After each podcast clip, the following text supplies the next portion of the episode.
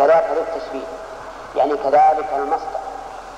الدال على التشبيه بعد جملة. مثاله لي بكا لي بكا الجملة الآن تامة ولا تام.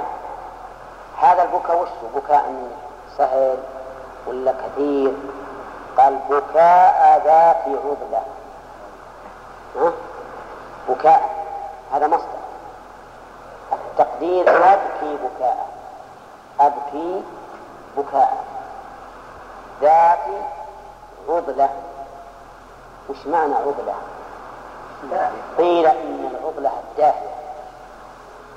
العضلة الداهية. وقيل العضلة منعها من الزواج؟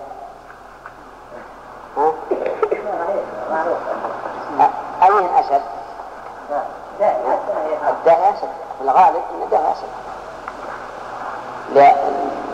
لأن التي تبكي لمنعها من الزواج تبكي على فوات محبوب والتي أصيبت بداهية على حصول مكروه وهذا أعظم.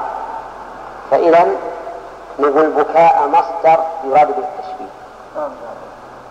لا فتوه مصيبة مصيبة عظيمة آه يعني ذهين يعني. لا. طيب بكاء مصدر عامله محذوف وجوبا التقدير. أبكي بكاء.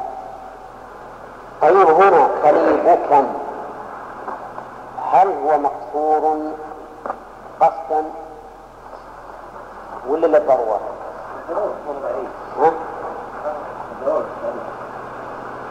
أو أنهم أو أن المؤلف قاصد يقولون إن البكاء بالدمع دون الصوت. البكاء بالدمع دون الصوت يقال بكاء مقصور ومع الصوت يقال بكاء. بكت عيني وحق لها بكاء. وما يغني البكاء ولا العويل. في الأول قال وحق لها بكاء لأن البكاء في العين. وفي الأخير حيث جاء الصوت وما يغني البكاء ولا العويل. فيحتمل أن ابن مالك رحمه الله أراد بقوله لبكا بكاء العين. ولكن قوله بكاء ذات عضلة المراد البكاء المصحوب بالصوت. يكون قصره من أجل؟ من أجل الضرورة. أي كليبكا بكاء بكاء ذات عضلة. قاعدة. ها؟ قاعدة. نصب إيش؟ ما نصب هذا. هذا مقصود. مثل هدى للمتقين. نعم. القاعدة يجب حذف عامل المصدر إذا أريد بالتشبيه بعد بعد جملة. إذا أريد بالتشبيه بعد جملة. نعم. أنواع المصادر في الأمثلة هذه إيه؟ أنواع تأكيد أي. ينصب مفعولا له ينصب مفعولا له المصدر إن. أبان تعليلا فجد شكرا ودل وهو بما يعمل فيه متخذ متحد. بهذان غلط. متحد. إيه. أخاف أنها جزم. سكون. أخاف أنها سكون. أخاف أنها سكون. متخذ متخذ الخاء الخاء مسكون. عليه غلط. رحمك الله. لا. الدال. الدال ساكن والحاء ما عليه شيء مهمل اي غلط غلط. متحد بالمهملة. وهو نعم. بما يعمل فيه يعمل. متحد. بما يعمل. وهو بما يعمل فيه متحد. وقتا وفاعلا. وإن شرط وإن شرط وإن شرط فقد. فقد. وإن شرط فقد. وأجر. فجرر وأجر. وأجر. فجرر وأجر. صح. غريبة هندسة طبع مطبوع ولا مكتوب بالله ها؟ فاجرره فاجرره بالحرف وليس وليس يمتنع. مع الشروط ك- كلزهد. كلزهد ذا قنع وقل إن وقل وقل وقل. أن يصحبها الم- المجرد والعكس في مصحوب ال وأنشدوا. وأنشدوا. وأنشدوا. لا أقعد لا أقعد لا أقعد الجملة عن الهيجاء عن الهيجاء. ولو تواليت توالت. ولو توالت زمر الأعداء. نعم.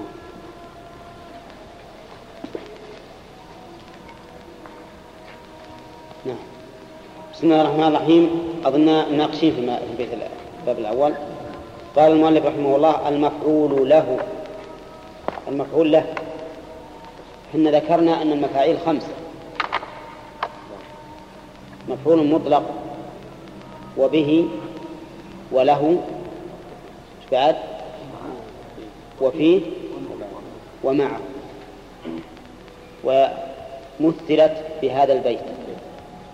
ضربت ضربا أبا عمرو غداة أتى وسرت والنيل خوفا من عقابك لي. يا غانم اقرأ البيت. اقرأ البيت. إيه ما عنده موجود اي طيب. المفعول له هذا أحد المفاعيل الخمسة. ويقال المفعول له ويقال المفعول لأجله ويقال المفعول من أجله.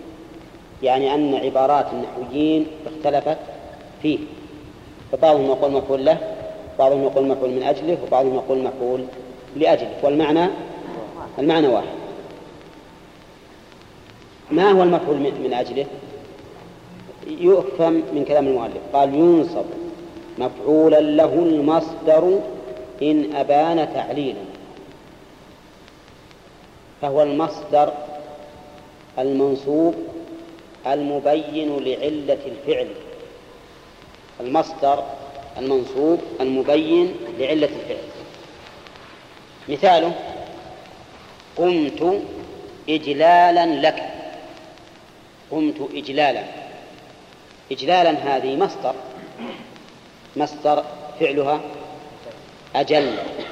يجل إجلالا هذا المصدر يبين علة الفعل. وش السبب أنك قمت؟ ها؟ إجلالا لك. إجلالا لك. نعم. فإذا هو المصدر المنصوب المبين لعلة الفعل. علة الفعل يعني سبب الفعل. علة الفعل يعني سبب الفعل. مفهوم؟ طيب. آه، ادعوا ربكم خوفا وطمعا. وادعوه خوفا وطمعا. وادعوه خوفا وطمعا. خوفا مصدر مبين لعلة الفعل. ادعوه لأي شيء؟ للخوف والطمع. مقام الخوف تعوذوا بالله من مما تخافون ومقام الطمع اسألوا الله تعالى ما, ما تطمعون به. طيب إذن ينصب مفعولا له المصدر نشوف- نشوف الشروط الآن نأخذها من كلام المؤلف. المصدر خرج به غير المصدر. فغير المصدر ما يمكن يصير مفعول لاجل أو مفعول له ما يمكن. لابد أن يكون مصدرا. نعم. الشرط الثاني إن أبان تعليلا. إن أبان تعليلا. وخرج به ما لا يبين التعليل. ما لا يبين العلة. فإنه لا يسمى مفعولا له. لا يسمى مفعولا له وإن كان مصدرا. وإن كان مصدرا. كذلك أيضا وهو بما يعمل فيه متحد هذا شرط ثالث ورابع. وهو بما يعمل فيه ما الذي يعمل فيه؟ الفعل. متحد وقتا وفاعلا. يعني يشترط شرط ثالث أن يكون هذا المصدر متحدا مع الفعل في الوقت والفاعل. في الوقت والفاعل. يعني بمعنى إن الفعل يقع هو المصدر في وقت واحد. ويكون الفاعل من الفعل هو الذي فعلها هو الذي تلبس بهذا المصدر. والذي تلبس بهذا المصدر. مثاله المنطبق عليه الشروط كجد شكرا. جد. جد. إيش معنى جد؟ أمر فعل أمر من الجود يعني صر جوادا. صر جوادا أي كريما. شكرا. هذا مصدر. وش فعله؟ شكر. يشكر شكرا. منصوب ولا لا؟ مبين لعلة الفعل. ها؟ جد حال كون جودك شكرا. يعني فإذا هو مبين لعلة الفعل. طيب الفاعل الذي جاد شكرا واحد ولا لا؟ واحد. والوقت واحد. يعني معناه أن الشكر مقارن للجود وفاعل الشكر هو فاعل الجود. فالفاعل واحد والوقت واحد. جد شكرا أي جد لأجل الشكر أي لأجل أن تشكر الله عز وجل. مو هو لأجل أن تشكر لأنه لو قال لو كان جد لتشكر ما صح. إذ أن الشاكر غير الجائر فيكون الفاعل مختلفا الفاعل مختلفا. وحنا لو لولا أن ابن مالك قال وقتا وفاعلا كان نقول يجوز أن يكون المعنى جد لتشكر جد لتشكر. لكن ابن مالك نفسه يقول وهو بما يعمل فيه متحد وقتا وفاعلا. إذا فالشاكر من؟ الجائر. الجائر نعم. وقوله ودن. دن وش معنى دن؟ من دان يدين. من دان يدين أو من الدين. أو من الدين. يعني جد وأعط الدين. جد وأعط الدين. فالجود مثلا بالهبة والدين بالقرض. دين بالقرض. يعني دين الناس. أي أعطهم دينا. فكأن ابن مالك أمرنا بإيش؟ بالإحسان إما عن سبيل الهبة والتبرع وإما عن سبيل وإما على سبيل القرض.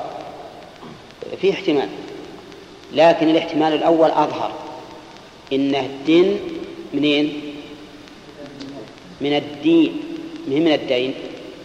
يعني جد شكرا ودين شكرا ودين شكرا. فكأنه أمر إنك تدين لله سبحانه وتعالى بطاعته شكرا له. وتجود بمالك أيضا شكرا لله على على ما أعطاك. وهذا المعنى أحسن أحسن أنه دين من الدين لا من الدين. طيب إذا نرجع إلى إعراب البيت. ما دام فهمنا معناه إعرابه ينصب مفعولا له. مفعولا وش إعرابه؟ ينصب مفعولا. حال منين؟ حالا من المصدر اللي هو فاعل ينصب اللي هو نائب فاعل ينصب. ينصب المصدر حال كونه مفعولا له.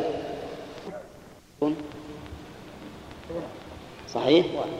الفاعل واحد قمت أنت إكراما أنت لتكرما أنا. نعم. فهو متفق مع عامله في الوقت والفاعل. طيب. أقوم الآن إجلالا لك غدا. وراه أقوم الآن إجلالا لك غدا. وش اللي اختلف؟ اختلف الوقت. ما يصح. كذا؟ ما يصح. آه، أكرمك شكرا لي. أكرمك شكرا لي؟ أكرمك الفاعل أنا. شكرا لي. من الشاكر؟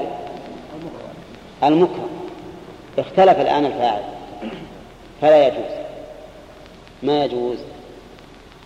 فهمتم الآن؟ طيب. ها؟ كيف يكون الفاعل مكرم؟ أي أنا أكرمك لتشكرني هذا المعنى. أكرمك لتشكرني. فأكرمك شكرا لي. يعني معناه أكرمك لأجل أن تشكرني هذا المعنى. طيب.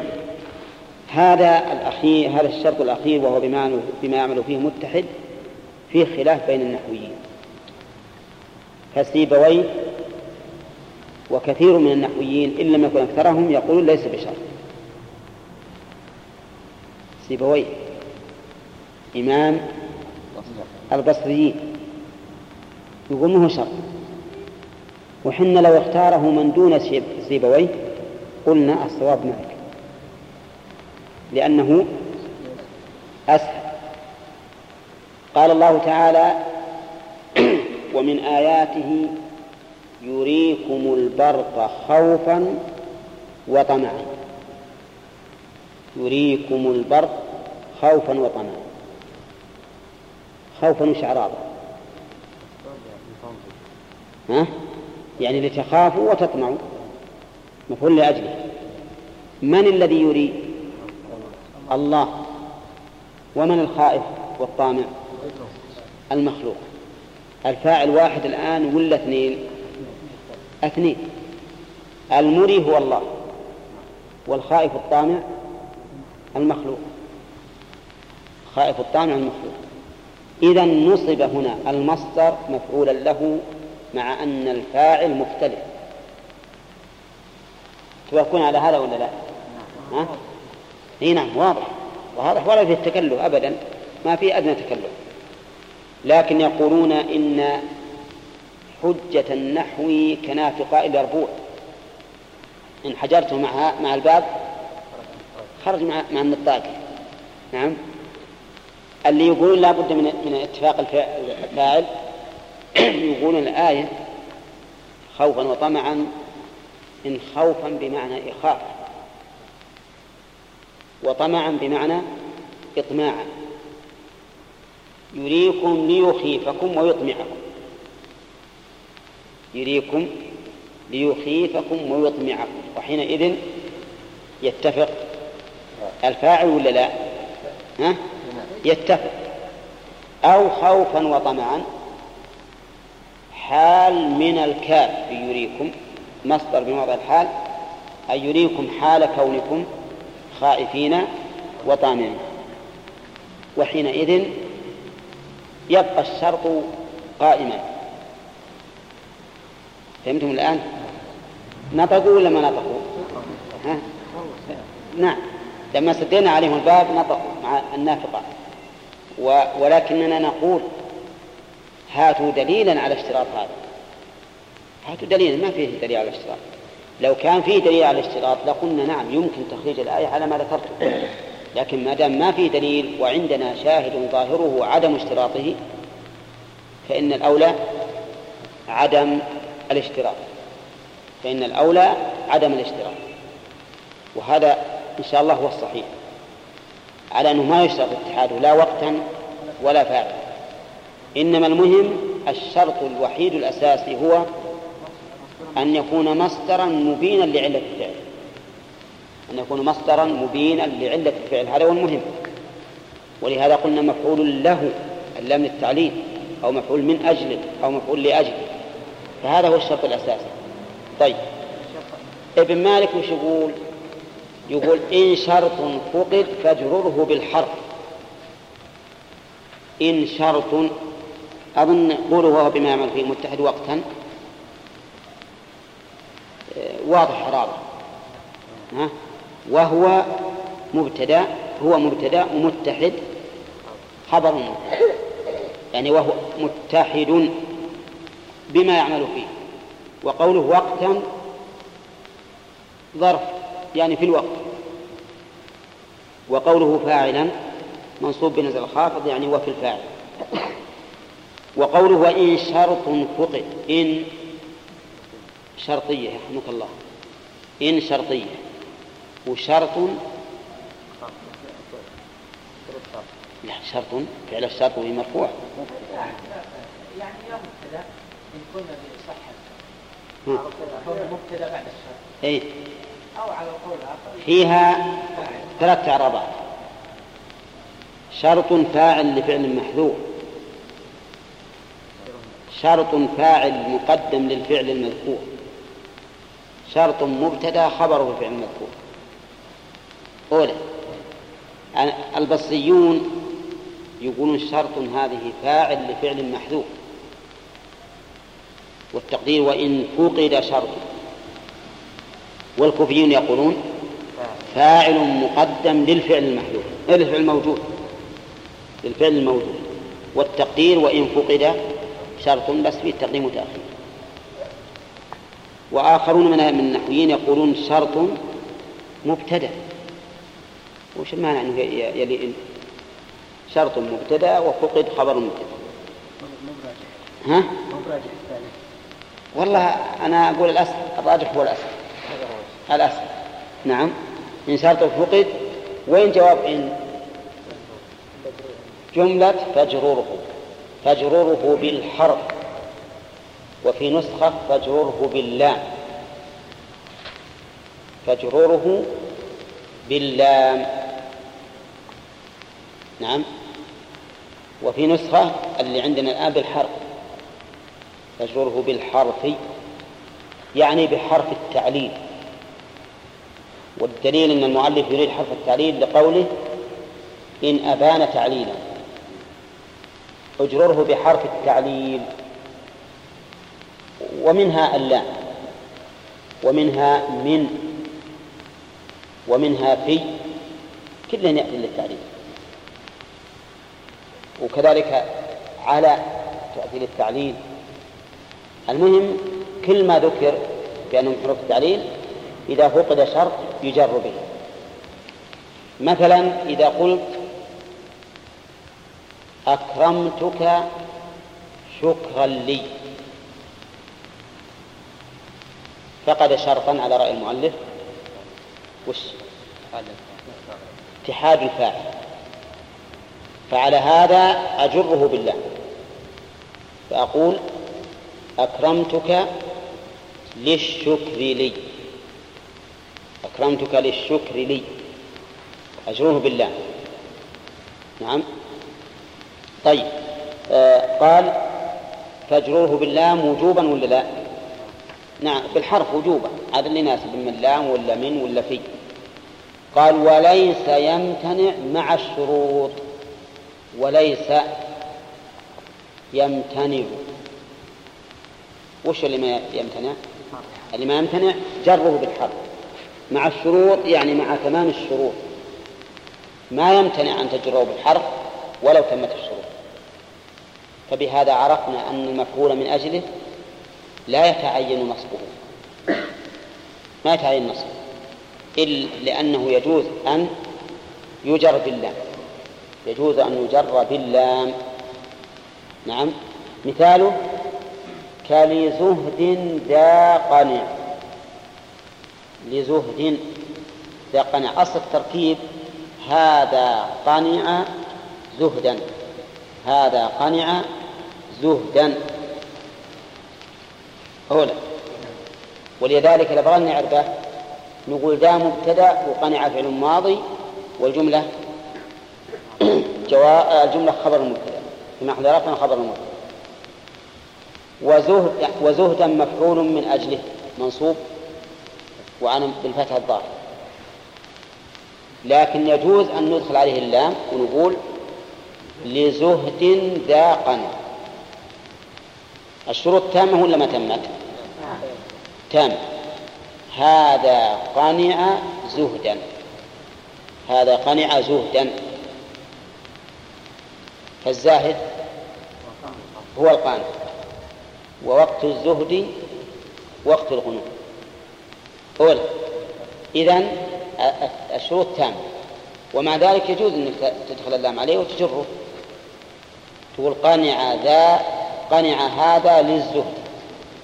أو قنع هذا زهدا. يجوز. واضح؟ فالمؤلف إذن يبين لنا أنه إذا اختل الشرط وجب جره بالحرف. يختل شرط من الشروط وجب جره بالحرف. إذا تمت الشروط جاز جره بالحرف. وجاز نصبه وجاز نصبه. لكن يقول عبد أين أكثر نصبه ولا الجر؟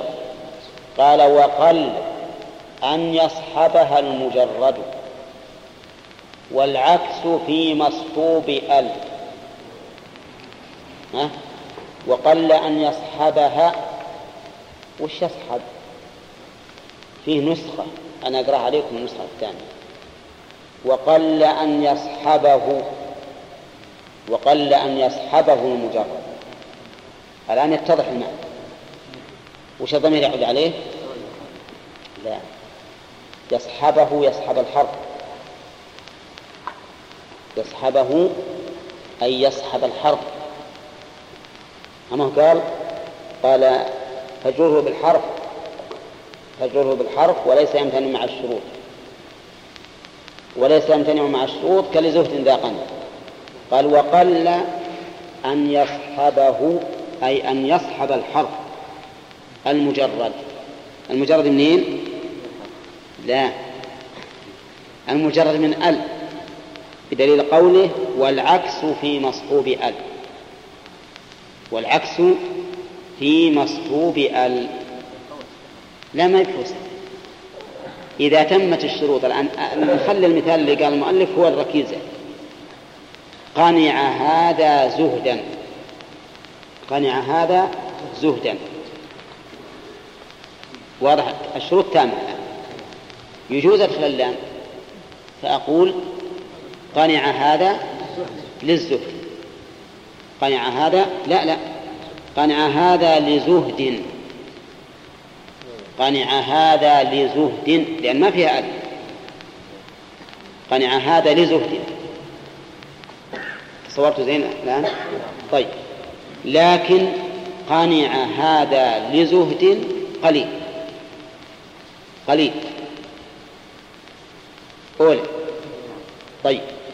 قنع هذا لزهد قليل. لأنه قال وقل أن يصحبه المجرد. قل.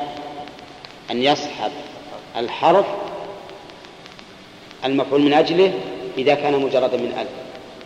والعكس في مصحوب ألف وش يكون العكس إنه يكثر اقتران الحرف مع ال. يكثر اقتران الحرف مع ال. مثلا. قنع هذا للزهد. هذا الكثير. أولى قنع هذا للزهد. هذا الكثير. ويجوز قنع هذا الزهد. قنع هذا الزهد. يجوز لكنه قليل لأنه قال والعكس في مصحوب ال والعكس في مصحوب ال أرجو الانتباه الآن. لا عكس التجريد. عكس عكس الصحبة عكس الصحبة عكس الصحبة. الآن إذا لم تتم الشروط وش الواجب؟ لا بد يأتي الحرف إذا لم تتم الشروط لازم يأتي الحرف سواء كان المصدر مجردا من ال أو غير مجرد. إذا ما إذا كانت الشروط ما تمت فلا بد من الحرف إذا تمت الشروط جاز وجهان. وهما النصب والجر بحرف التعليل. لكن أين أكثر؟ النصب إن كان المصدر مجردا من ألف. النصب إذا كان مجردا من ألف. قنع هذا زهدا. هذا أكثر من قنع هذا لزهد. كذا ولا لا؟ ليش؟ لأن المؤلف يقول وقل أن يصحبه المجرد. إذا كان مصحوبا بأل ها؟ فإن الأكثر الجر. لقوله والعكس في مصحوب أل. فتقول مثلا قنع هذا للزهد أكثر من قولك قنع هذا الزهد. قنع هذا الزهد. نعم. فهم عبد الرحمن. ها؟ اي سليم. الحين المؤلف جاب على الشاحن ما خلاك. طيب الآن آه، المسألة بسيطة ترى إذا اختل الشرط وش جوابكم؟ يجب الحذف يجب الإتيان بالحرف إذا اختل الشرط يجب الإتيان بالحرف إذا تمت الشروط جاز وجهان الإتيان بالحرف والنصب كذا ولا لا؟ طيب أين أكثر؟ إن كان مجردا من ال فالأكثر النصب. وإن كان مصحوبا بأل فالأكثر الجر. واضح الحين؟ ما في إشكال أظن. تقول قنع هذا زهدا أكثر من قولك قنع هذا للزهد للزهد أكثر. وتقول قنع هذا للزهد. أكثر من قولك قنع هذا الزهد. نعم. ولكن صالح يقول هل يجوز أنك تقول قنع هذا الزهد؟ هو يجوز هذا. يقول ابن مالك وانشدوا لا أقعد الجبن. لا أقعد الجبن. ترى ما لا آكل الجبن؟ نعم. يقول لا أقعد الجبن. يعني لا أقعد جبنا لا أقعد جبنا هذا أصل. فالجبن الآن مفعول من أجله. مفعول من أجل. أولى يعني لا أقعد من أجل الجبن. ما يمكن أقعد من أجل الجبن. فإذا هو مفعول من أجله ومع ذلك معرف بأل ومنصوب. هذا على القليل ولا على الكثير؟ هذا على القليل. هذا على القليل.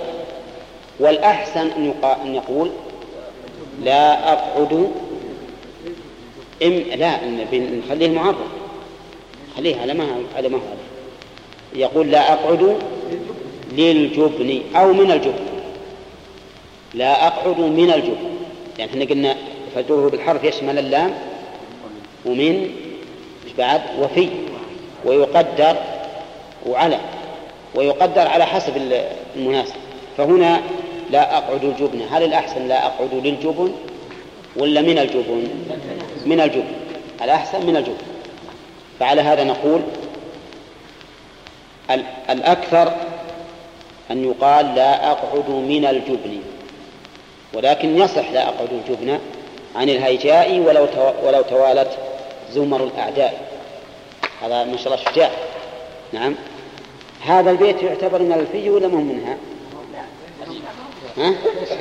ليس منها لأنه قال وأنشد. وأنشدوا ولذلك الألفية عندي أنا عادتها. ها؟ لا. صارت ألف واثنين.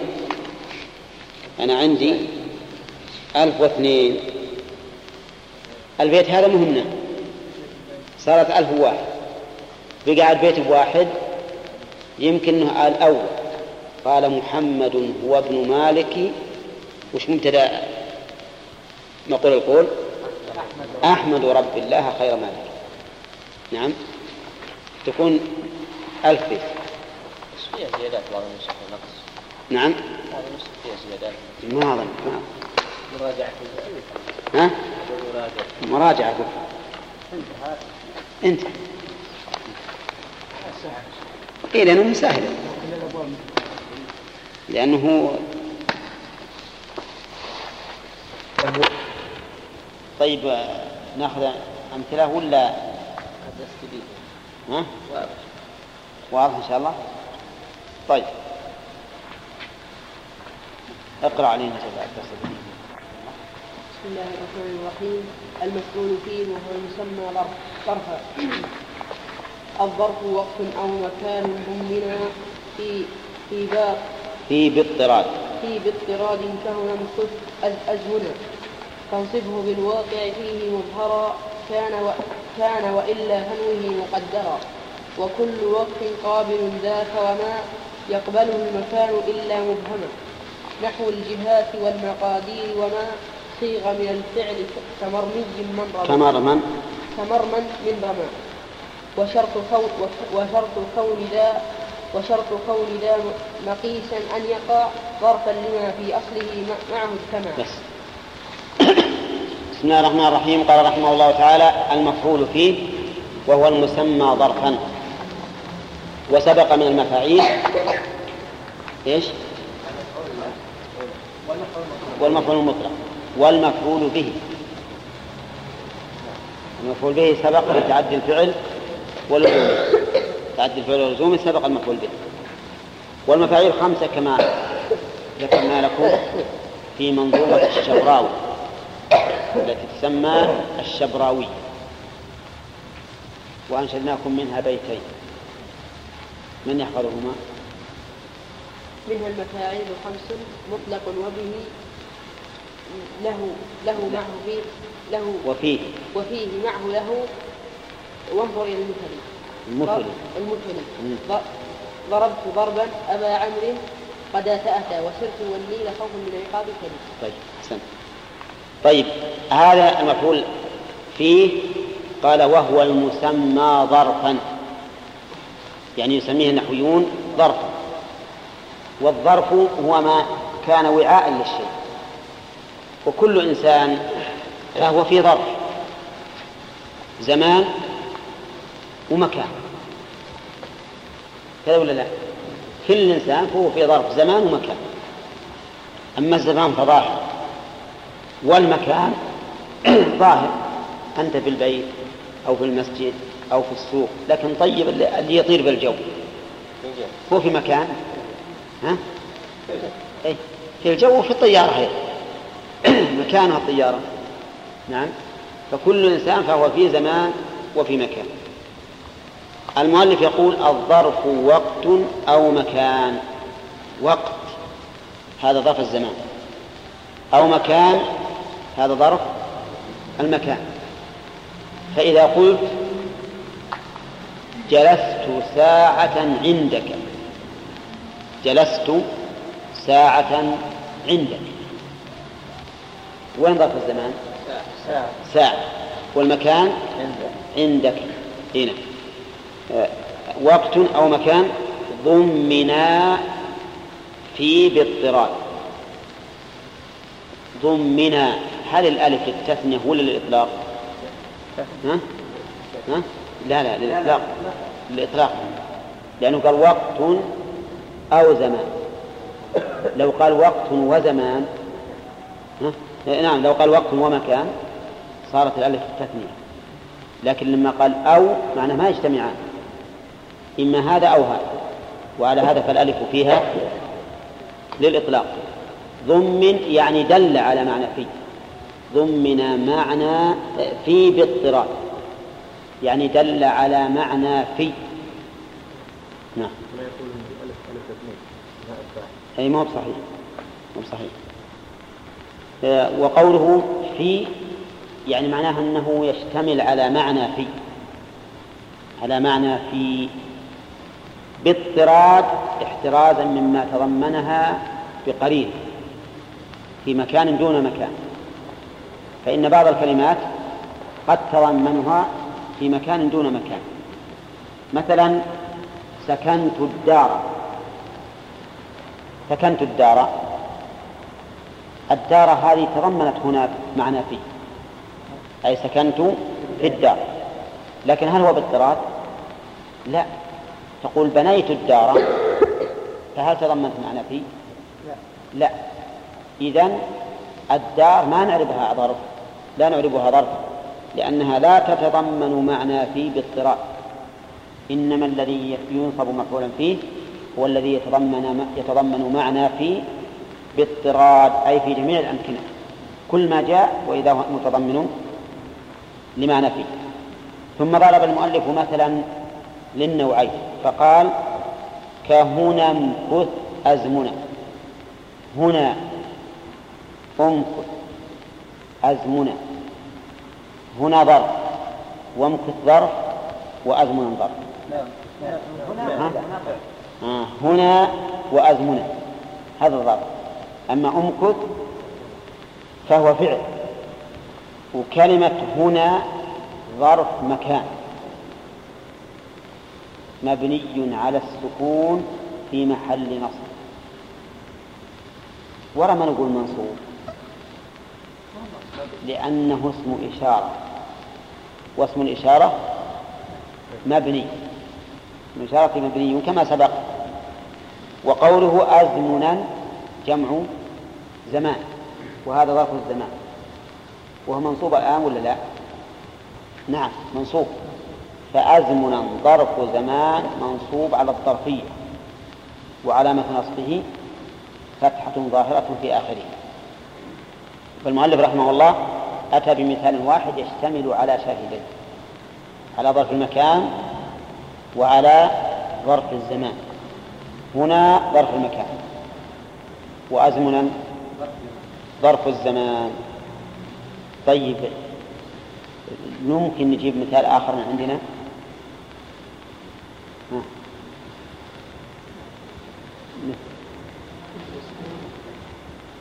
اجلس هنا وقت. لا نبي هذا المثال ما هو بعد. هذا ما أخبرت عن كلام المؤلف. مثل أول مثال. ولا نبي أول مثال. جلست عند السعادة عندك. تقول مثلا سرت يوما ميلا. أولى. يوما هذا ظرف وميلا ظرف مكان. ها؟ إيه؟ مسافة مسافة مكان. ما هو زمن؟ طيب المؤلف يقول؟ نعم. الذي يتضمن في الزمن والمكان والمكان. كله كله يتضمن الزمان وال- فيه. هذا واحد. اي اي في ميل يعني كان سيري في ميل لأنه ابتداء السير إلى منتهى. هذا هو ظرف هذا هو ظرف سيري فأنا سائر في هذا الميل لا. لا. ما جلست ساعة يعني الزمان كيف؟ هنا جلست في ساعة. يعني معناه أن الساعة صارت ظرفا لجلوس يعني صارت لكن لاحظوا أن أن ظرفية الزمان تعرفون الزمان معنوي. هو شيء محسوس مثل المكان اللي محيط بك فإحاطة الزمان بالإنسان معنوية في الواقع. فهذا هو الذي قد يشكل عليكم في مسألة التقدير فيه.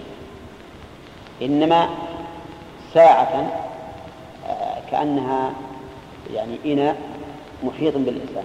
من أول الساعة أول دقيقة إلى آخر دقيقة. فهذا وجه التقدير فيه.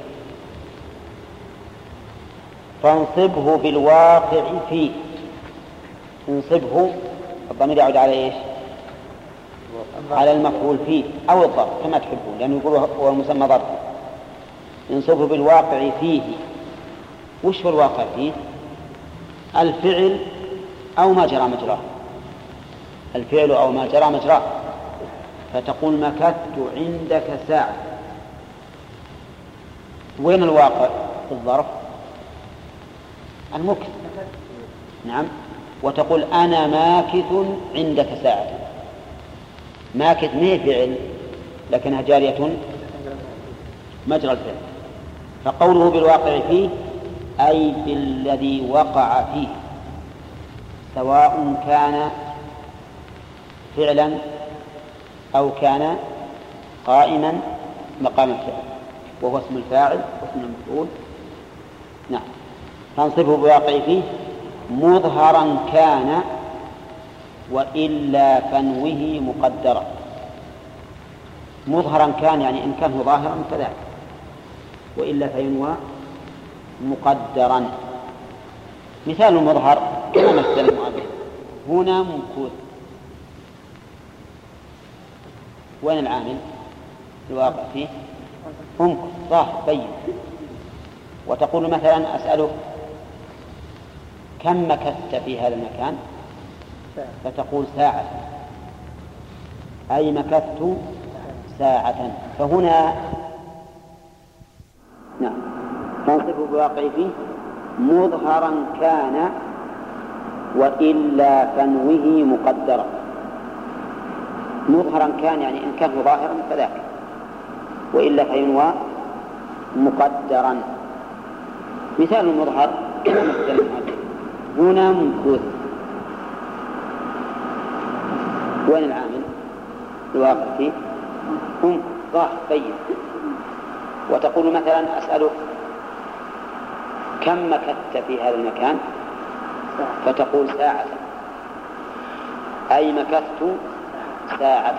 فهنا الواقع فيه مظهر ولا مضمر؟ مضمر. ولهذا قال فنوه مقدرا. إذا تبين لنا القاعدة. ما هي القاعدة في تعريف ظرف الزمان والمكان؟ كل زمان أو مكان تضمن معنى في باضطراب.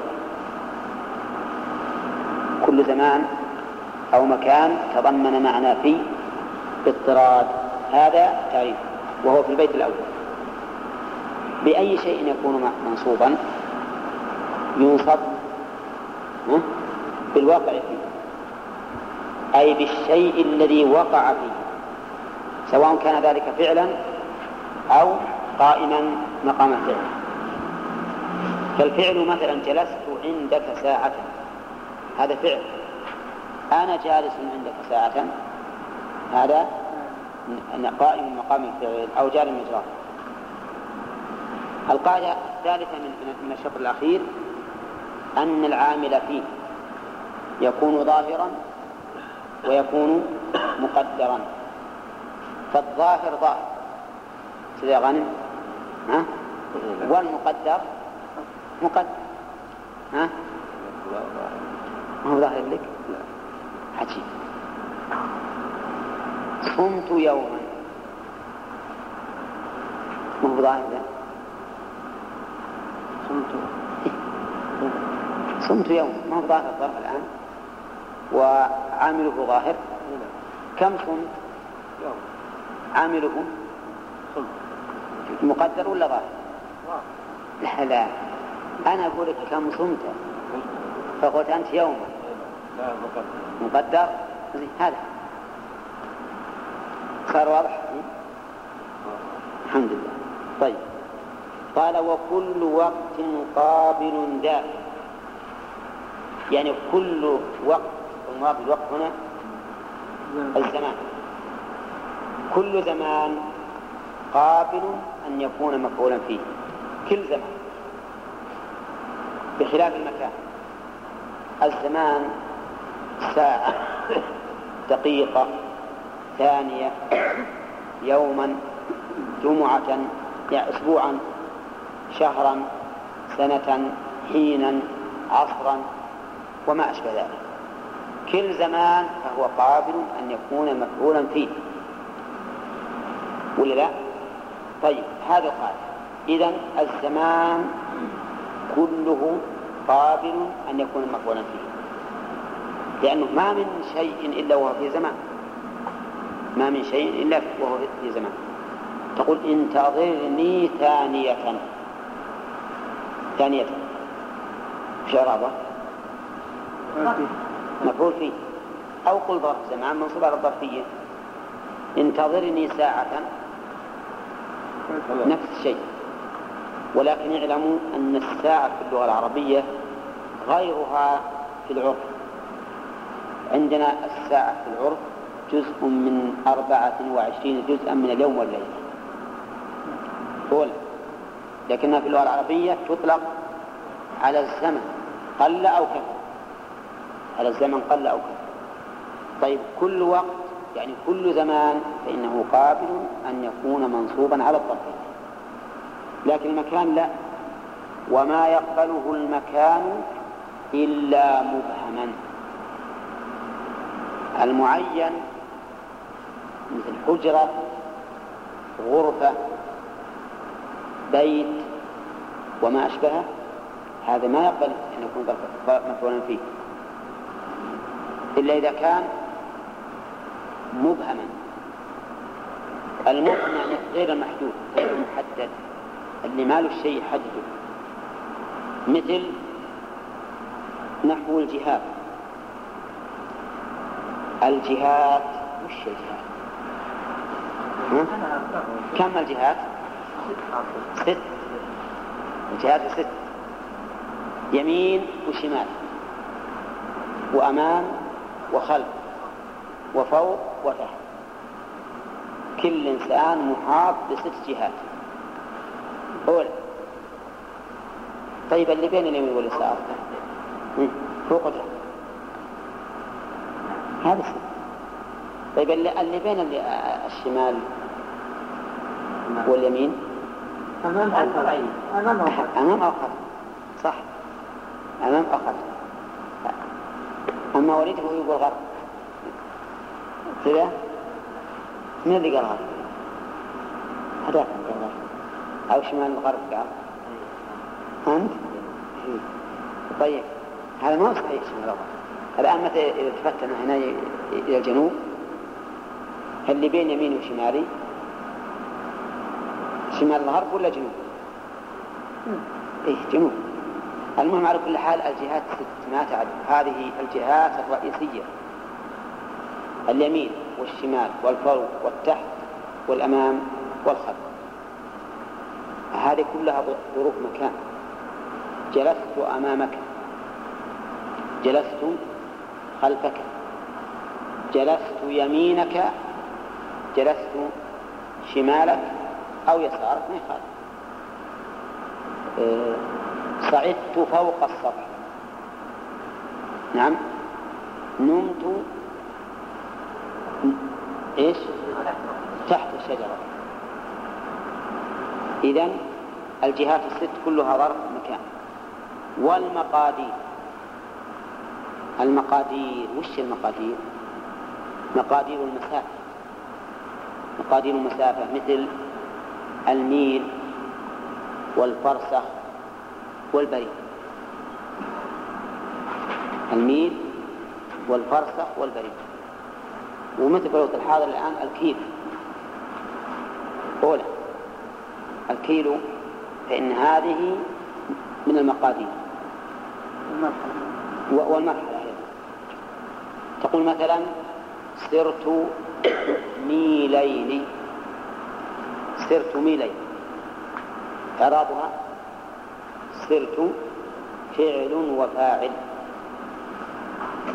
ميلين ظرف مكان منصوب على الظرفية وعلامة نصبه الكسرة نيابة عن الفتحة ميلين؟ النون مكسورة. الياء نيابة عن الفتحة لأنه مثنى والنون عبارة عن مثل اسم واضح؟ طيب. تقول سرت فرس سرت تقدم إعرابها. فرسخا ظرف منصوب على الظرفية وعلامة نصبه. فتحة ظاهرة في آخره وقد يأتي نعم لا ما هذا. آه نعم يقول والمقادير وما صيغ من الفعل وما صيغ من الفعل. يعني ظرف مكان يكون مصوغا من الفعل. كمرمى من رمى. مرمى من رمى. هذه يسمونه ظرف مكان ويأتي ظرف زمان رميت مرمى زيد. رميت مرمى زيد. مثل جلست مكان زيد. مثلها تماما فرميت مرمى زيد تقول رميت فعل وفاعل ومرمى ظرف مكان. منصوب على الظرفية وعلى نصبه فتحة مقدرة على آخره منع من ظهورها إيش؟ ها؟ اشتغال المحل بحركة حرف الجر الزائد.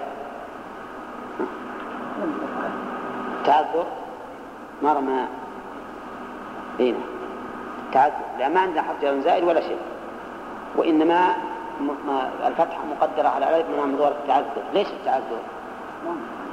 لأنه ما يمكن أبدا تنطق بفتحة على ألف.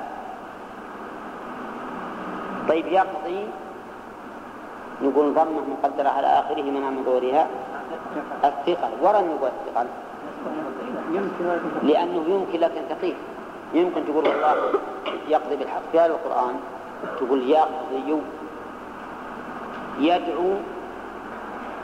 منع من ظهورها الثقل ثقل لأن الواو يمكن تقع عليها الحركة ولكن بثقل فتقول يدعو. قول. بس ثقيلة. لهذا الفتحة حيث أنها خفيفة تظهر على الواو. لن ندعو من دونه إله نعم. وتظهر على الياء. نعم. فالمهم إن مرمى من رمى رميت مرمى زيد رميت فعل وفاعل ومرمى ظرف مكان. منصوب على الظرفية وعلى النصب فتحة مقدرة على الألف منع من ظهورها تعذر كمرمى من الرمى شرط يكون إلى مقيس إلى آخره وش؟ هي؟ فتحة خفيف طبعا.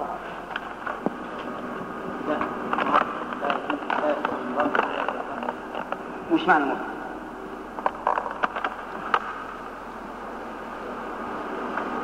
ما يدل على شيء وإنما شيء عام جهاد إيه صحيح. المبهم اللي ما يدل على شيء محدد معين. بخلاف اللي شيء محدد معين مثل بيت مسجد وما أشبه ذلك. له له مكان. ما على الظرفية نعم. ولهذا ما تقول جلست المسجد. ما. أما دخلت المسجد ففيه خلاف. هو جائز في اللغة العربية. يقولون دخلت المسجد وسكنت الدار. لكنهم اختلف فيه النحويون. بعضهم يقول على الظرفية. توسعا. وبعضهم يقول منصوب على الخافض والتقدير. دخلت في المسجد. وبعضهم يقول منصوب على التشبيه بالمفعول به. دخلت المسجد يعني كأنه مفعول به. مثل قولهم خلق الله السماوات إن السماوات منصوبة على التشبيه بالمفعول به. فالمهم إن إن المكان ظرف المكان المحدد. هذا المحصور هذا ما يمكن ينصب على أنه ظرف ظرف مكان. طيب. الجهات وش الجهات؟ عبد الله وش الجهات؟ الجهات هي نفس الست وش؟ أمام. وخلف نعم. ويمين ويسار نعم وفوق وفوق وتحت صح هذا الجهاز الثاني من غير جهة الست يا أحمد المقادير مثل ها. صرت ميلا ها؟ طيب بريدا فرسخا طيب.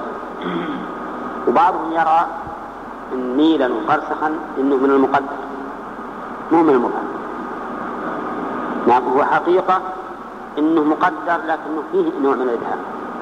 اذ ان ميلا ما يدري منين ابتدأ و- وأين انتهى. ولا صحيح مساحة مقدرة.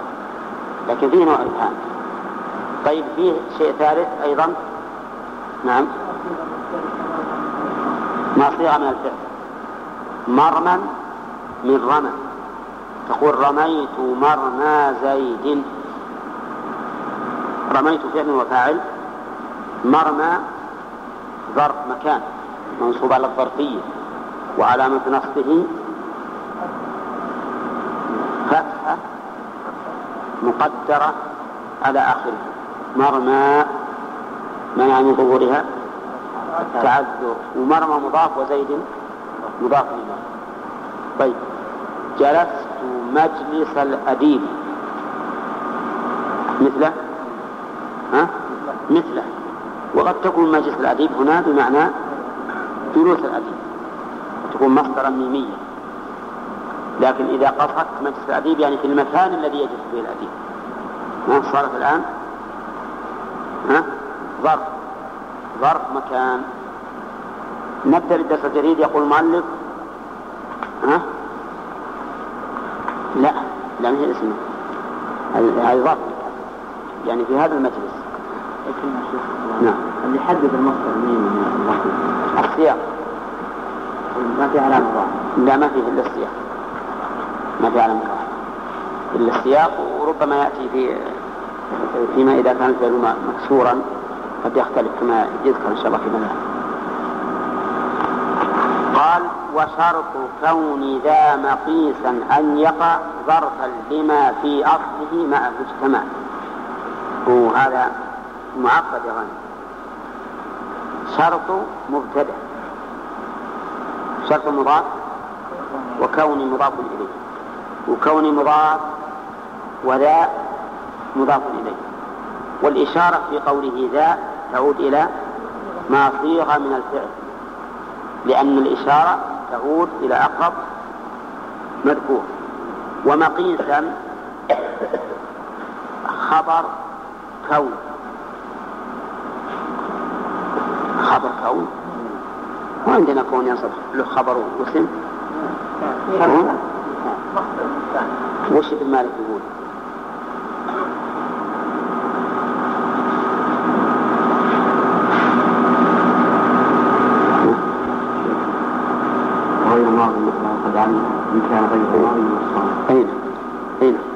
وغير ماض مثله قد عمل إن كان غير الماضي منه استعمل نعم. طيب أين خبر أين اسم كون إذا جعلنا مقيسا خبرها؟ مضاف نعم مضافة إلى اسم الإشارة وهو محل اسمه. وقوله أن يقع أن حرف مصدر يقع في المضارع منصوب بأن وهو مؤول بمصدر والتقدير وقوعه وهو خبر شرط. يعني شرط كون ما صيغ من الفعل مقيسا أن يقع ظرفا لما في أصله معه اجتمع يعني لما اجتمع معه في الأصل. لما اجتمع معه في الأصل. يعني مرمى إذا صار إذا صار منصوبا برمى. رميت مرمى زيد. لكن جلست منه مرمى الفندق مرمى البندق؟ هذا ما هو مقيس لأنه لم يجتمع معه في أصله إذ أن هذا الفعل جلست والظرف مرمى. ما معنى مقيس وغير مقيس؟ مقيس يعني معناه يمكنك أن أن تنطق بمثله. يمكنك أن تنطق بمثله. غير مقيس معناه ما يمكنك تنطق بمثله وإنما يقتصر فيه على ما جاء به العرب. العرب فقط. ما نطق به العرب نقتصر عليه. وما لا فلا. مثل قول الفقهاء هذا مقيس وهذا تعبد. هذا مقيس وهذا تعبد. ما عليه. المهم يا جماعة ابن مالك رحمه الله يقول إن شرط كون ما صيغ من الفعل ظرفا أن يكون مطابقا لعامله في مادته. مطابقا لعامله في مادته. مرمى العامل فيه رمى. مجلس العامل فيه جلس. كذا؟ طيب. مقعد العامل فيه مقعد. قاعدة. نعم. طيب.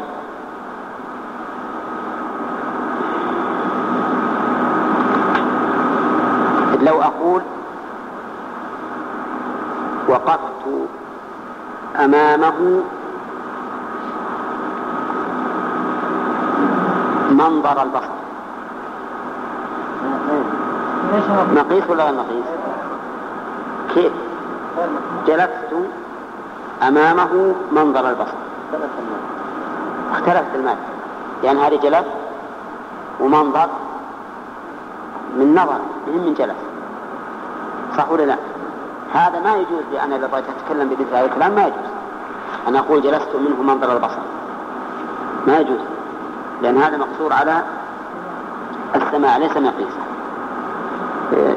إذا صار الحقيقة أن ظرف المكان ينحصر بالجهات والمقادير والثالث ما صيغ من الفعل. ما صيغ من الفعل. موافقا له. هذا ما صيغ من الفعل معناه لابد ما دام مصيغ من الفعل معناه موافق طيب يقول وما يرى انتقل المؤلف الآن إلى أمر آخر وهو أن بعض الكلمات يكون متصرفا بعض الظروف يكون متصرفا وبعضها يكون غير متصرف. فما هو الضابط؟ قال وما يرى ظرفا وغير ظرف فذاك ذو تصرف في العرف لكن الوقت لحظة. الساعة صار عندنا بيت واحد ما شاء الله اللي بغى يقول ما عاد لهم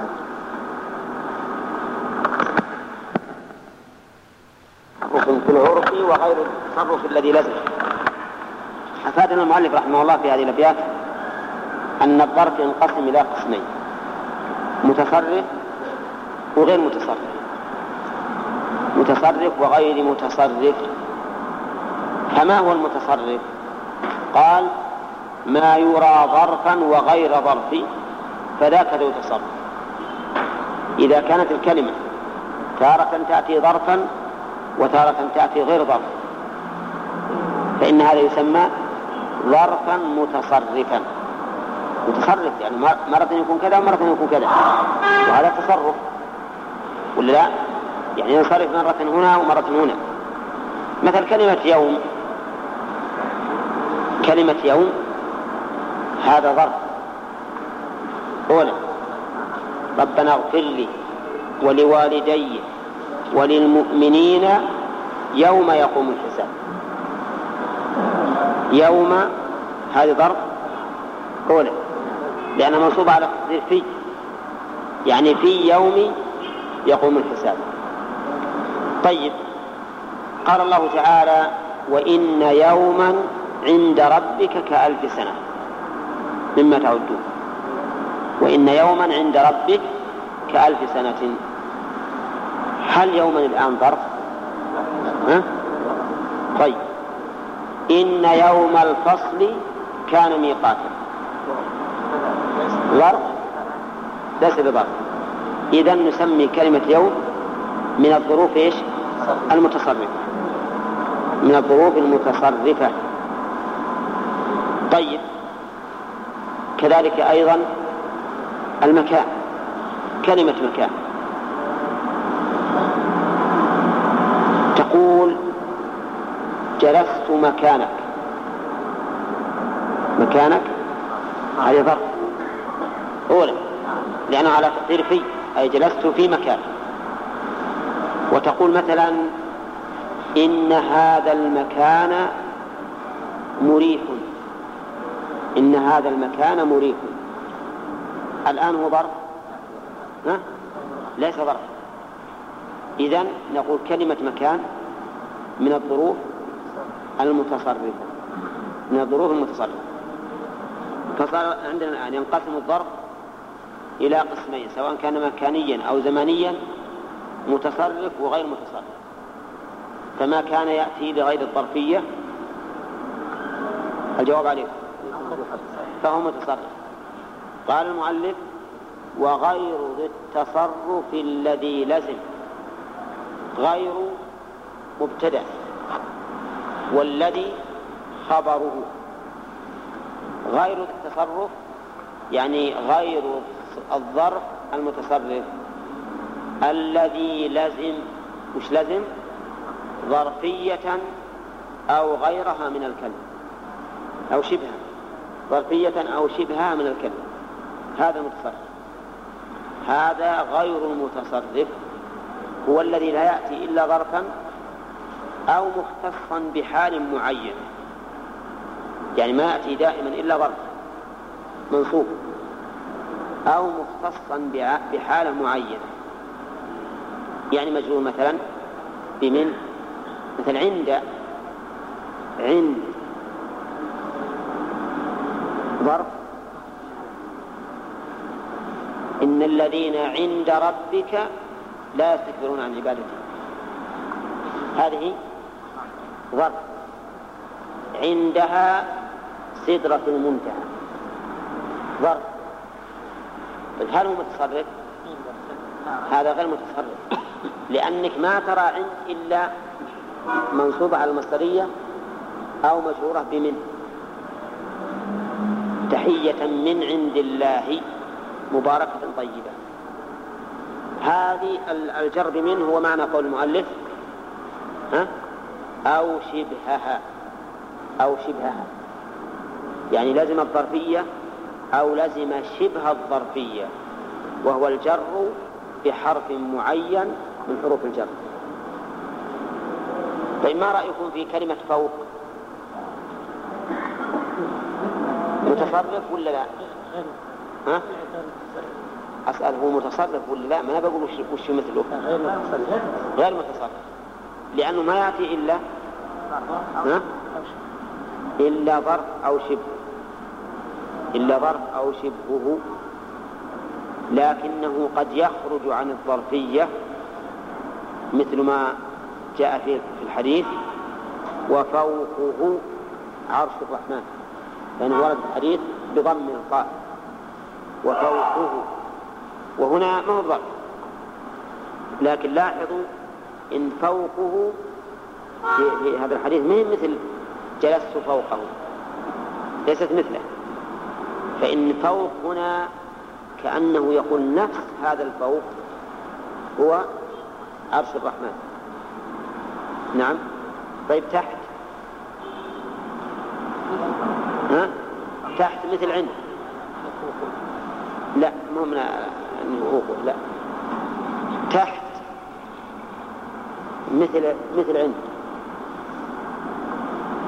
نعم؟ غير متصرف. لأن ما تستعمل إلا منصوبة على الظرفية أو مجرورة منه. تجري تحتها الأنهار. هذه منصوبة على الظرفية. تجري من تحتها الأنهار. هذه مجرورة. بمن ومن اللحن قول بعض الناس نظرت إلى تحت قدمه. نظرت إلى تحت قدمه. هذا ما هو صحيح. نعم. لغة ما هو صحيح. لأن تحت ما جرت في اللغة العربية إلا بمن؟ لا بإلى نعم لو قال نظرت إلى مكان تحت قدمه صحيح. أما نظرت إلى تحته هذا ما جاء في اللغة العربية لكن تجري من تحتها الأنهار هذا جاء في القرآن. والخلاصة الآن من هذا البحث أن الظروف تنقسم إلى قسمين متصرفة وغير متصرفة. فما كان ملازما للظرفية أو شبهها فهو غير متصرف. وما كان يكون ظرفا ومبتدأ ومفعولا به وفاعلا ومجرورا بأي حرف فهذا متصرف. قال وقد ينوب عن مكان مصدر. عن مكان يعني عن ظرف مكان. قد ينوب عنه المصدر وذاك في ظرف الزمان يكثر. يعني أن المصادر قد تنوب عن المكان. كيف تنوب عن المكان يعني تأتي نائبة عن ظرف المكان. جلست قربه. جلست قربه. أصل قرب مصدر. قرب يقرب قربا. قرب هذه مصدر في الأصل لكن الآن نابت مناب الظرف فكأنك قلت جلست مكانا قرب مكانه. لكنه حدث الظرف وأتيت بالمصدر فصار نائبا منابه. وذاك في ظرف الزمان يكثر. ذاك وش أمثل إليه؟ كون المصدر ينوب عن الظرف يكثر في في ظرف الزمان. دائما تقول آتيك طلوع الشمس. آتيك طلوع الشمس. طلوع مصدر. أولى طلع تطلع طلوعا لكنها نائبة مناب ظرف الزمان. يعني كأنك قلت آتيك وقت طلوع الشمس. فنابت عن ظرف الزمان. القاعدة من هذا من هذا البيت ينوب المصدر مناب الظرف زمانيا كان أو مكانيا لكنه بالنسبة لظرف الزمان أكثر من بالنسبة لظرف المكان. وقول المؤلف قد ينوب ظاهره التقليل مع كونه قياسيا. ظاهره التقليل مع كونه قياسيا. وظاهر كلام الشارح أنه سماع أنه سماعي فلا يمكن أن تقيس بل لا بد أن يكون قد ورد عن العرب مثل هذا التركيب.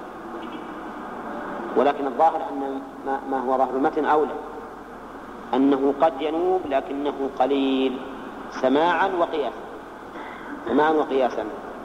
لا مانع من أنك تأتي بظرف النائب مناب المصدر بمصدر النائب مناب الظرف وإن لم يسمع اللغة العربية. ما دام المعنى واضحا فهو سليم. نعم. لا لأنه قد قد ينوب.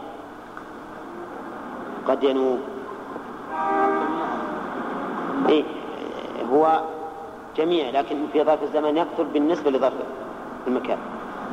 بالنسبة لظرف المكان. طيب الآن انتهى هذا الباب. وأنا في الحقيقة أنا في شك من التحصيل. ها؟ ها؟ إيه.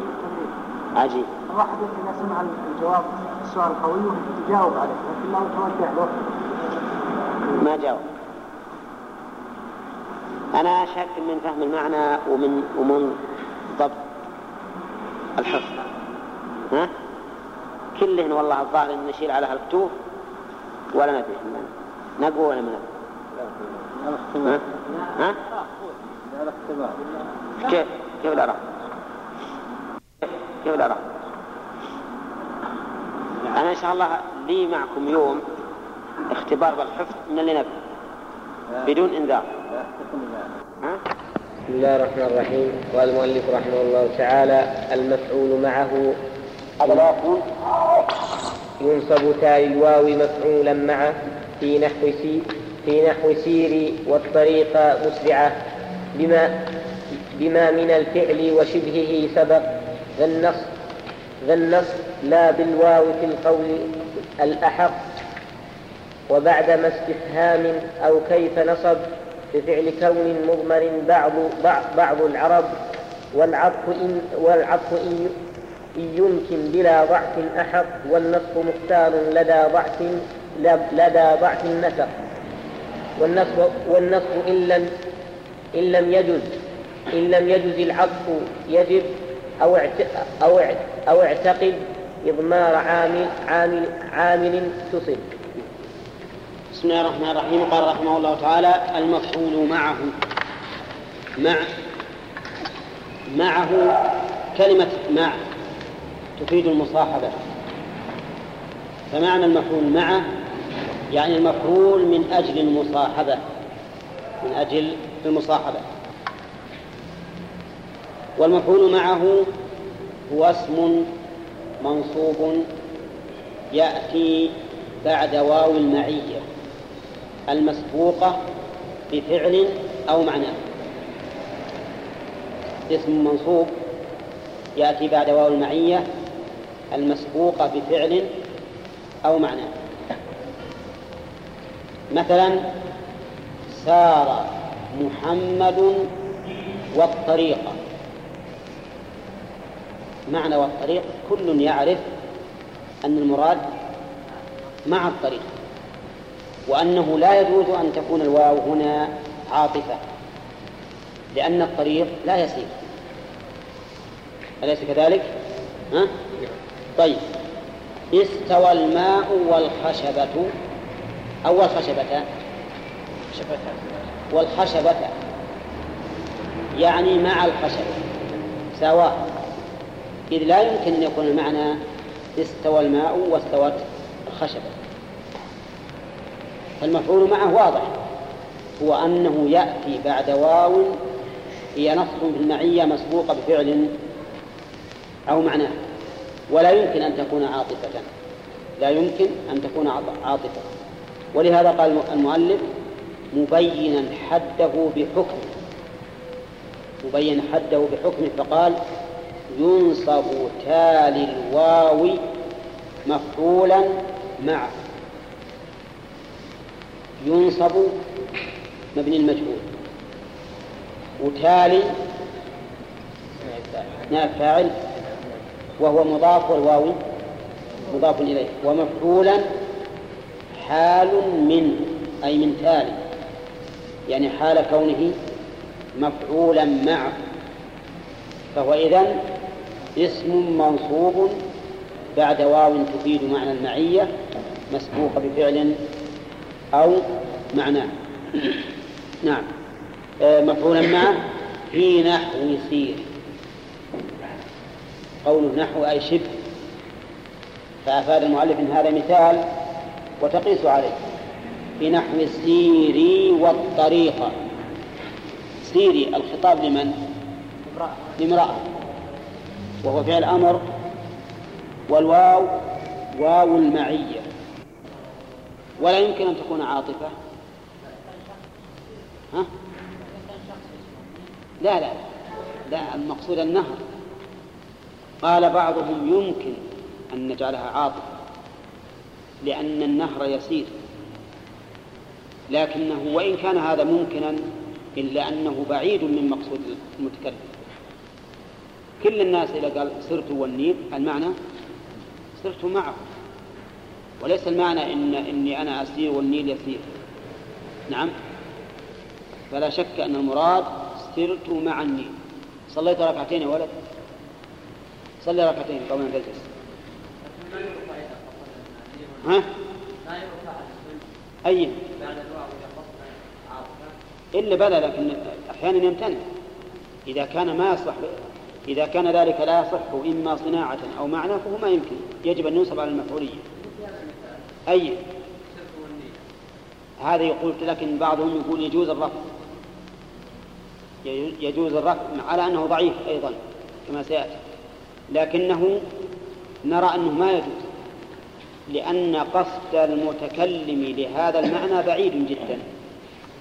والناس تحمل تحمل يحمل كلامهم على ظاهره مو على معنى بعيد. طيب كذلك أيضا تقول مشيت وزيدا. مشيت وزيدا.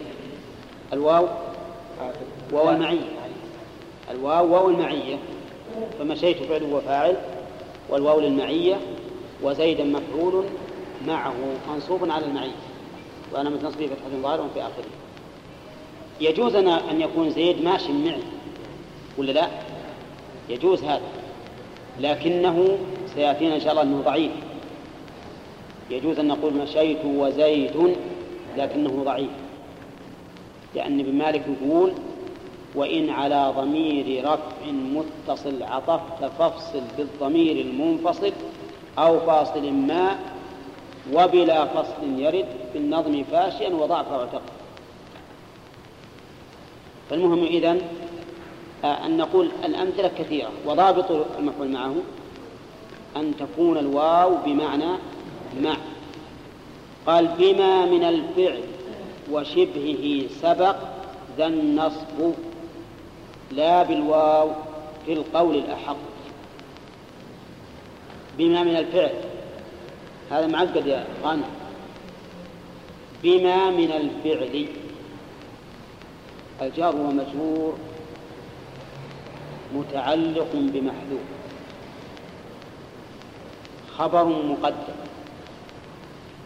خبر مقدم. والمبتدا الذي هذا خبره قوله ذا النصب. لأن ذا اسم إشارة على السكون في محل رفع. والنصب صفة و وهو مبتدأ. وخبره بما من البيت. تقدير البيت هذا النصب بما سبق من الفعل وشبهه. وقوله ما في بما اسم موصول وصلتها قوله سبق. صلتها قوله سبق. ومن الفعل جار ومجرور متعلق بسبق. ففيه تقديم وتأخير كثير. أولا تقديم الخبر ثانيا تقديم متعلق الصلة. وين متعلق الصلة؟ من الفعل وشبهه لأنه متعلق بسبق. إذ أن التقدير هذا النصب بما سبق من الفعل وشبهه. كأن سائلا سأل ابن مالك نحن نصبنا بعد واو المعية نصبنا الاسم. فما الذي نصبه؟ قال الذي نصبه ما سبق من الفعل وشبهه. نعم. طيب. من الفعل سرت والطريقة هذا سبق اللي سبق إيش؟